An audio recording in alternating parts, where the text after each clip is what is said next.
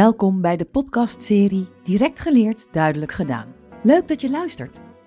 Deze serie van Gebruiker Centraal bevat de 10 hoofdstukken uit het gelijknamige boek Direct geleerd, duidelijk gedaan, maar dan ingesproken. 10 hoofdstukken met de belangrijkste lessen uit 50 webinars Direct Duidelijk Tour. Zet jij je in voor betere communicatie en dienstverlening vanuit de overheid?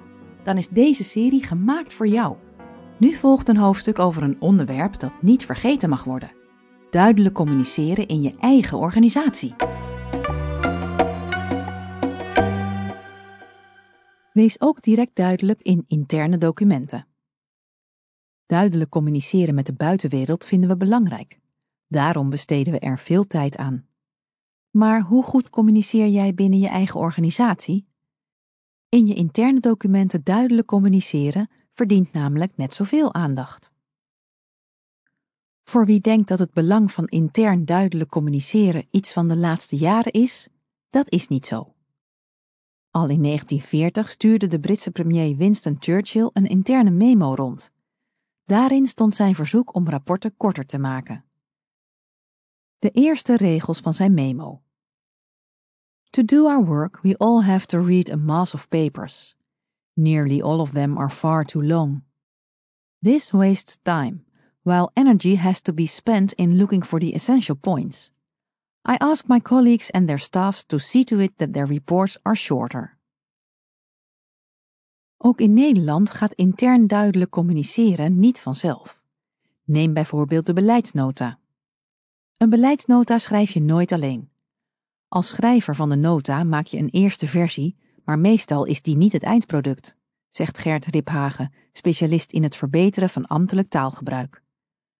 Soms maak je als ambtenaar een goede beleidsnota, maar wordt de nota daarna mishandeld door andere mensen die er aanpassingen in doen.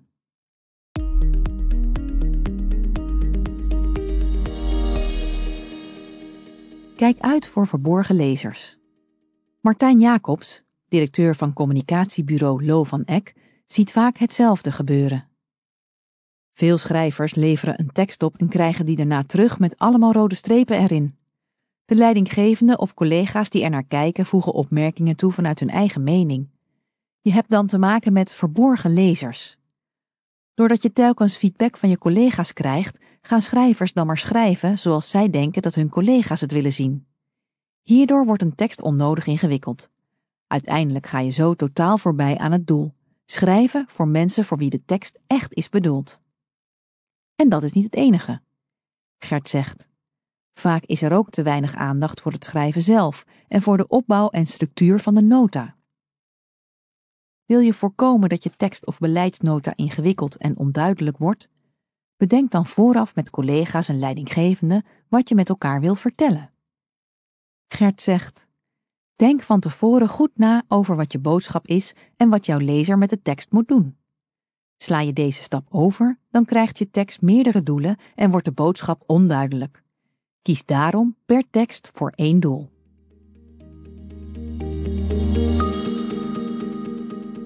Let op structuur en begrijpelijkheid. Regelmatig zien Gert en Martijn beleidstukken met grote lappen ongestructureerde tekst. Dit is voor veel ambtenaren al lastig om te lezen en helemaal voor de uiteindelijke lezer. Maak een tekst daarom overzichtelijk. Schrijf per alinea over één onderwerp en laat de alinea's opvallen met duidelijke titels. Ga je meerdere argumenten noemen, dan is het goed om die in een lijstje op te sommen. Martijn zegt: Mensen zeggen nogal eens dat het niet nodig is om beleidsteksten aan te passen, want veel interne medewerkers zijn bekend met het onderwerp. Maar ook zij willen een tekst snel kunnen lezen en begrijpen. Of snel begrijpen lukt, ligt aan drie niveaus: je taalniveau, hoeveel interesse je in het onderwerp hebt, je interesseniveau en hoeveel je er al van weet, je kennisniveau.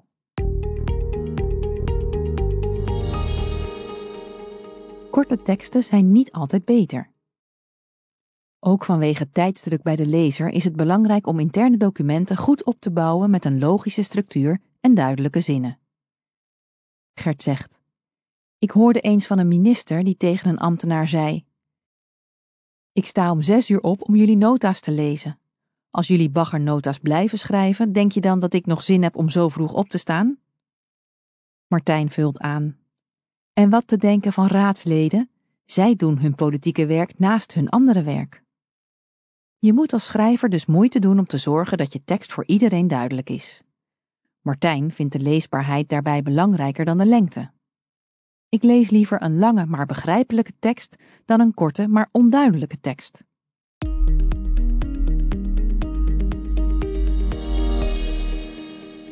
Zoek intern naar medestanders. Als je in jouw organisatie duidelijker wilt communiceren, begin dan bij het management of de directie, zegt Gert. Ga met ze in gesprek.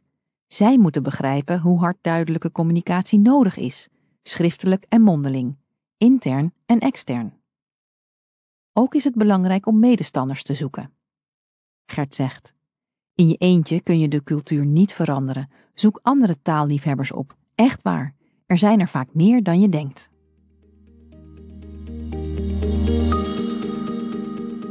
Voorbeeld van gestructureerd schrijven. Een voorbeeld van Martijn. Het verschil tussen de oude tekst en de nieuwe tekst zit vooral in de leessnelheid, structuur en zinslengte.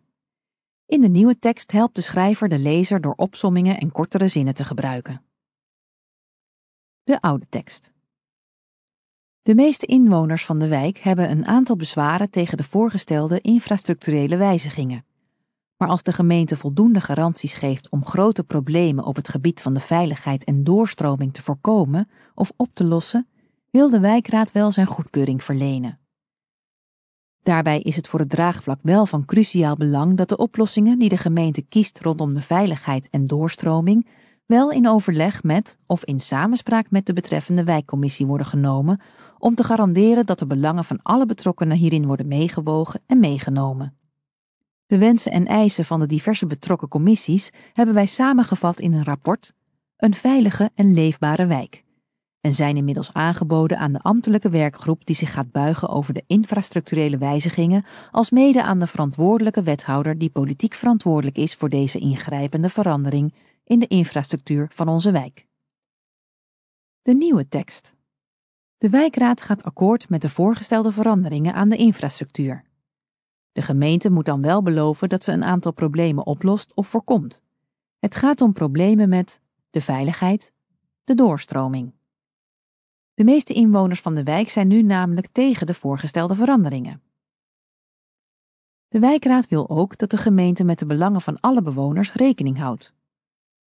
De meeste wijkbewoners zijn nu tegen de voorgestelde veranderingen. Daarom willen we dat de gemeente blijft overleggen met de wijkbewoners. Ook moet de gemeente keuzes samen met de wijkcommissies maken. Dat is belangrijk voor het draagvlak. De wensen en eisen van de commissies staan in het rapport Een veilige en leefbare wijk. Wij hebben dit rapport al aan de ambtelijke werkgroep en de wethouder gegeven. Tips om intern duidelijk te zijn en te blijven. Wil je in de organisatie aan de slag met duidelijke communicatie? Pak dan deze tips erbij. 1. Bedenk bij alles wat je opschrijft wat is mijn boodschap? Wat wil ik dat deze tekst met de lezer doet? 2. Schrijf alleen voor jouw uiteindelijke lezer. Let op dat je niet schrijft voor de verborgen lezer, dus voor de collega die meeleest. 3. Wees je ervan bewust dat de lezer jouw tekst misschien anders opvat dan je had bedoeld. 4. Motiveer je collega's om ook duidelijk te schrijven. Waardeer hun inspanningen met een beloning. Zo krijg je ze mee en creëer je steun binnen je organisatie. 5. Stimuleer medewerkers door ze schrijfopleidingen en de juiste hulpmiddelen aan te bieden. Breng het onderwerp duidelijke communicatie ook ter sprake tijdens de sollicitatie- en functioneringsgesprekken. 6. Wil je iets in jouw organisatie veranderen? Zoek dan medestanders en begin bij het management. 7. Geef nieuwe medewerkers bij hun introductie een schrijfwijzer met schrijftips van de organisatie. Een andere belangrijke tip komt van Jeroen Tebbe, initiatiefnemer van het landelijke actieprogramma Huh, wat bedoelt u? Zorg voor een omgeving waarin mensen het durven zeggen als ze iets niet begrijpen. Zie dit dan als positieve feedback, niet als commentaar. Een omgeving waarin je schaamteloos kunt zeggen dat je iets niet begrijpt, is een heel mooi begin. Wil je meer horen? Luister dan ook naar een van de andere afleveringen van Direct Geleerd Duidelijk Gedaan. Nieuwsgierig naar de Direct Duidelijk Tour? Bezoek dan directduidelijk.gebruikercentraal.nl. Tot de volgende aflevering.